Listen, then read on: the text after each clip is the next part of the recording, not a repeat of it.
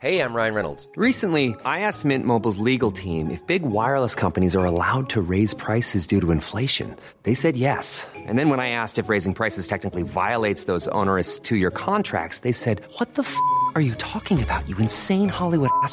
F- So to recap, we're cutting the price of Mint Unlimited from $30 a month to just $15 a month. Give it a try at mintmobile.com slash switch. $45 upfront for three months plus taxes and fees. Promo rate for new customers for limited time. Unlimited more than 40 gigabytes per month. Slows. Full terms at mintmobile.com. Ever catch yourself eating the same flavorless dinner three days in a row? Dreaming of something better? Well, HelloFresh is your guilt-free dream come true, baby. It's me, Kiki Palmer. Let's wake up those taste buds with hot, juicy pecan-crusted chicken or garlic butter shrimp scampi. Mm. Hello Fresh. Stop dreaming of all the delicious possibilities and dig in at HelloFresh.com. Let's get this dinner party started. Life is full of awesome what ifs, and some not so much, like unexpected medical costs. That's why United Healthcare provides Health Protector Guard fixed indemnity insurance plans to supplement your primary plan and help manage out of pocket costs. Learn more at uh1.com.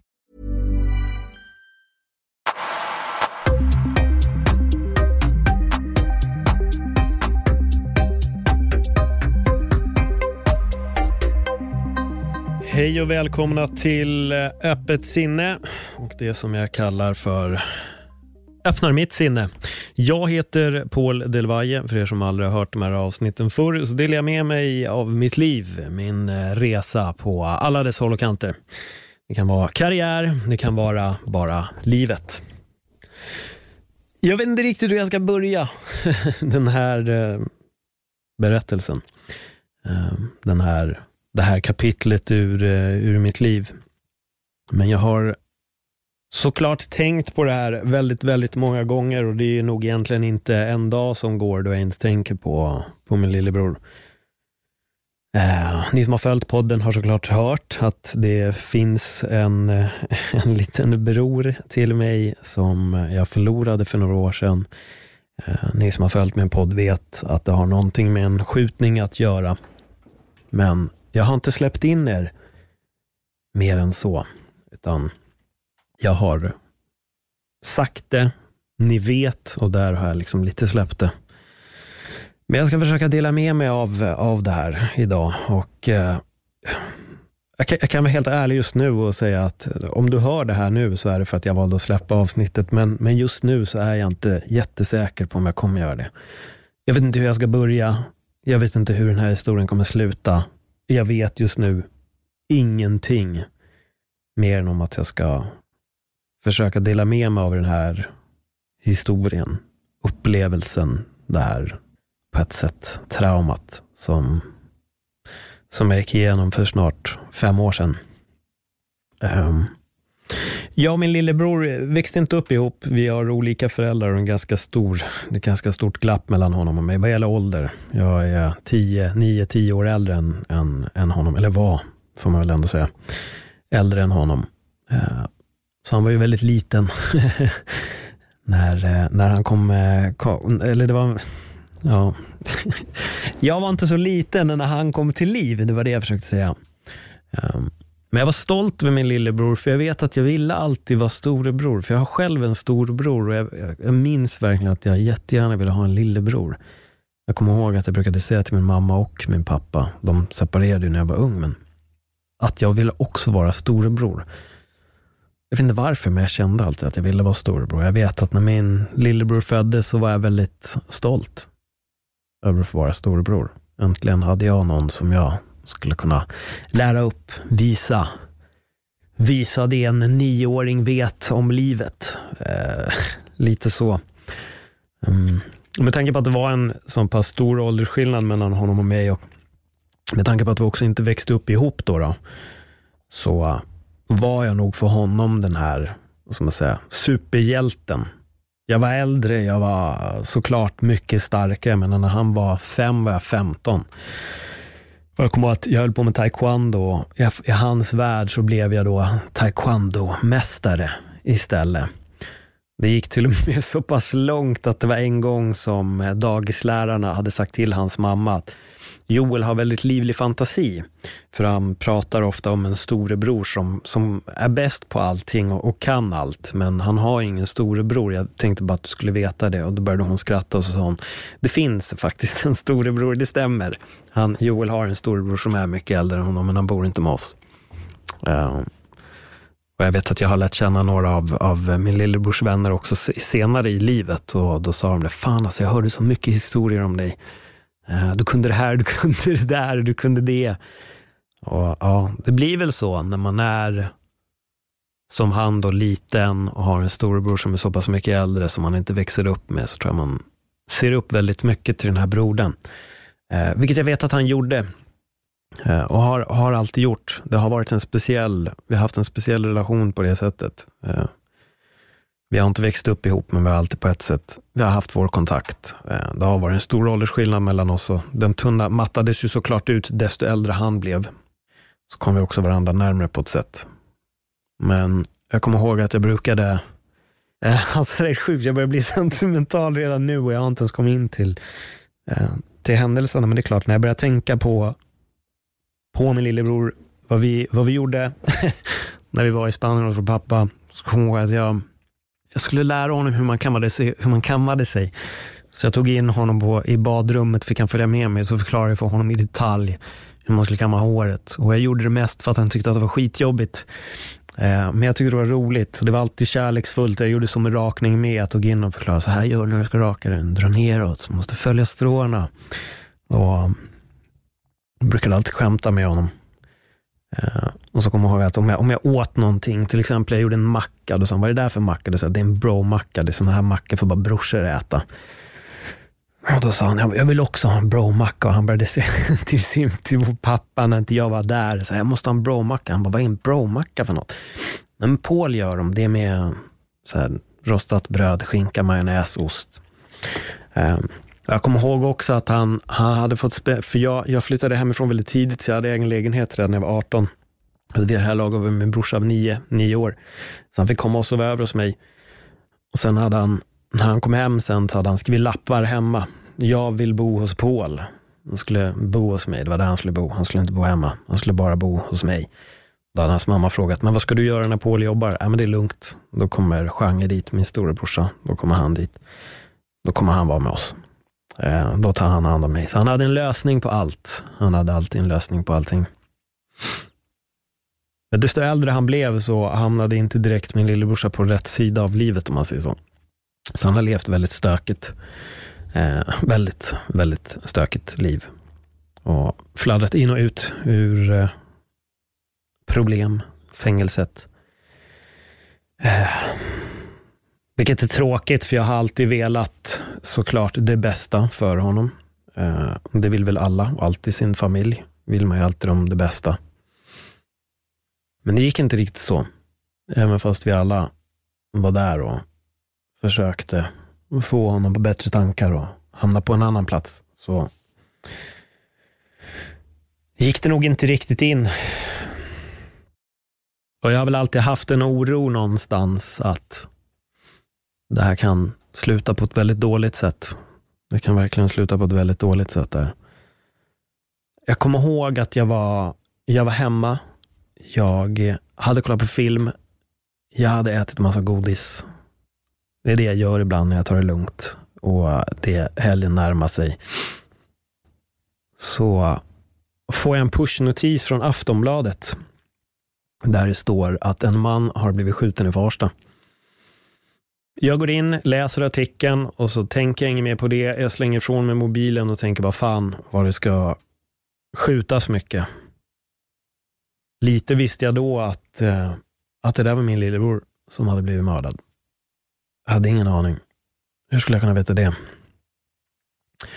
Dagen efter står jag på jobbet. Här på den tiden när jag fortfarande, eller när jag jobbade på Mediamarkt. Jag står och frontar mobilskal. Uh, se, jag börjar redan bli snorig också. Jag står och frontar mobilskal. Telefonen ringer. Det är min pappa. Ovanligt att han ringer mig liksom mitt på dagen. Uh, och vi börjar prata och han berättar då att min lillebror har gått bort och han berättar vad som har hänt. Och jag vet att jag där börjar bli jävligt stressad. Och för, jag kunde inte riktigt förstå, det var, det var svårt att ta in informationen jag fick, så jag var tvungen att springa upp till lunchrummet. Vi fortsätter prata och han säger Joel är död. Joel har blivit elskjuten och, och allt. Och jag vet att jag Jag kunde bara känna att det är jag hör orden, men jag vill ändå inte riktigt ta in dem och jag börjar gråta. Jag blev jätteledsen och jag minns att städaren kommer in när jag pratar i telefon och bara gråter. Och till slut får jag bara svårt att prata och jag vet att jag, vi avslutar vårt samtal och jag försöker bara samla mig själv. Men jag kan inte, jag bara jag gråter och då kommer en av tjejerna in som jobbar där. och så frågar hon vad har hänt? Vad, vad är det? Och jag, jag kan inte få ut orden. Jag, jag, kan verkligen inte få ut orden. Och eh, jag får ta upp telefonen. Jag får ta upp mobiltelefonen. Jag får gå in på Aftonbladet. Jag får ta fram den här artikeln. Och så skriver jag på ett papper bredvid bara att det där är min lillebror. Uh. Och då, vad ska hon säga? Oj, hon får en chock också såklart. Uh. jag tror inte någon missade det här för att det var väldigt uppmärksammat. Det skrevs väldigt, väldigt mycket om det här under, under den perioden när det hade hänt. För det var väldigt grovt. Ja. Och, och jag säger såklart, hon går och pratar med min chef och han säger du får såklart gå hem. Du behöver inte vara kvar. Uppenbarligen, jag kommer inte kunna jobba. Det går inte. Jag ringde min dåvarande flickvän. Jag åker hem. Eh, hon kommer dit och såklart ger stöd för att trösta mig i, i det här.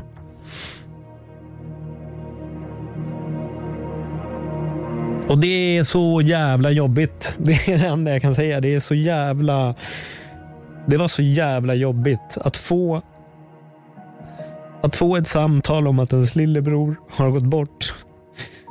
Det är fan det värsta samtalet jag har fått i hela mitt liv. Alltså. Det var sjukt jobbigt.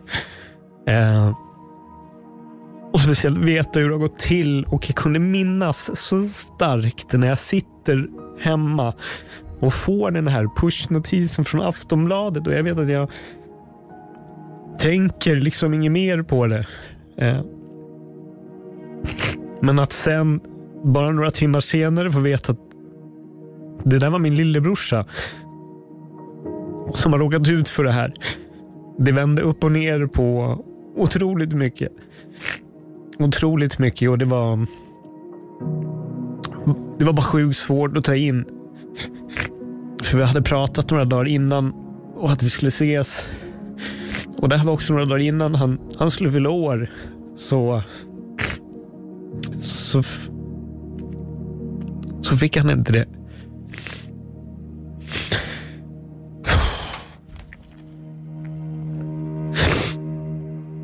Ja, oh, fan. Jag har tänkt jättemycket på det. Jag tänker skitofta på min lillebrorsa. Jag tänker skitofta på det som har hänt. Och jag tänker ofta på för när sånt här händer så börjar man också minnas alla de här grejerna från när vi var små. När allting var, var bra. När allting bara var väldigt, väldigt enkelt.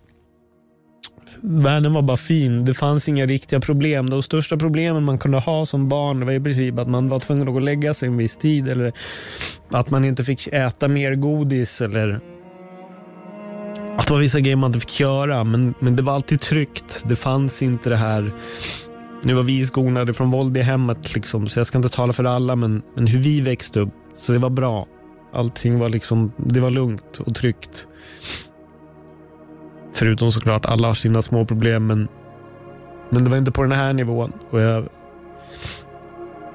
även fast det var tio år mellan oss, så har jag alltid älskat min lillebror så otroligt mycket. Så otroligt mycket. Och vi har haft jävligt roligt Och när jag tänker tillbaka så kan jag bara minnas den här lilla pojken som jag tog in i badrummet som jag skulle visa hur man kammar håret och hur stolt han var de gångerna som jag kammade hans hår på exakt samma sätt som mitt. Och det finns en bild på honom och mig som jag har på mitt kylskåp där han kan ha varit typ tio år. Vi har precis kammat håret på samma sätt. Jag har armen runt honom och han håller i min hand och jag kan se hur glad han är med att få hänga med sin storebror. Jag kan sakna min lillebrorsa skitmycket vissa gånger och jag önskar att det aldrig hade slutat på det här sättet från honom. Jag kan önska så många gånger att han hade hamnat på en bättre plats i livet. Men nu gjorde det inte det och nu slutade det så här. Och det värsta med den här historien är att jag är inte ensam om att gå runt med en sån här historia om att någons barn har gått bort, någons bror, någons syster på grund av att folk är där ute och vill beväpna sig och mörda folk av vilken anledning det nu än må vara. Eller att det ska vara någon gängd hämnd eller rivalitet mellan folk. Det här, varför? Varför? Jag, jag fattar inte varför. Jag, jag förstår inte. Jag förstår verkligen inte varför det är så otroligt viktigt att behöva beväpna sig. Jag förstår inte varför man vill leva det livet. Det tragiska i det här också är att fallet är olöst. Så de som gjorde det, de kom undan. Eh, de kom undan. Så nu är det ett så kallat cold case, eller vad de kallar det för. Jag har ingen aning. Fan, jag skulle verkligen ha tagit in papper hit. Ehm, det... Jag, jag, jag fattar inte. För ni som skjuter folk, ni dödar någons barn någons bror, syster. Varför? Om er bror eller syster blev dödad, hur skulle det kännas för er? Vilka är skulle ni få utav det? Vilket helvete skulle ni gå igenom i den här processen? Det här är ingenting man vill gå igenom. Det är ingen som vill gå igenom. Det här är ett lidande för, för många. Och det har skjutits på tok för mycket folk i, nu kommer jag bara syfta till vårt land här, men det skjuts för mycket. Och det borde inte skjutas alls. Det borde verkligen bara upphöra. Men det är ni som har pistolerna som måste lägga ner dem. För vi som har förlorat någon, vi, vi vet. Vi vet hur det känns, vi vet hur jobbigt det är. Och det är aldrig kul och det kommer alltid finnas där med oss jämt. Det går liksom inte bara att, att tvätta bort. Utan det är ju där. Men det som jag sa innan är att med tanke på att jag själv kunde prata om det här med nära och kära och vänner, så kunde jag också läka kanske lite, lite snabbare. Inte packa in det. Och Det är därför jag också vill dela den här historien med er, för jag vet att ni som lyssnar, ni som har följt mig, ni har hört när jag har nämnt det här. Det är några avsnitt då det här har kommit fram, att det har hänt. Men det här var nog allt jag ville säga. Jag, eh, jag har inte så mycket mer att säga än att det här är det som har hänt. Och jag, jag hoppas att ni som är de som beväpnar er, att ni kanske tänker till. Ja, Tack för att ni lyssnade. Hej då.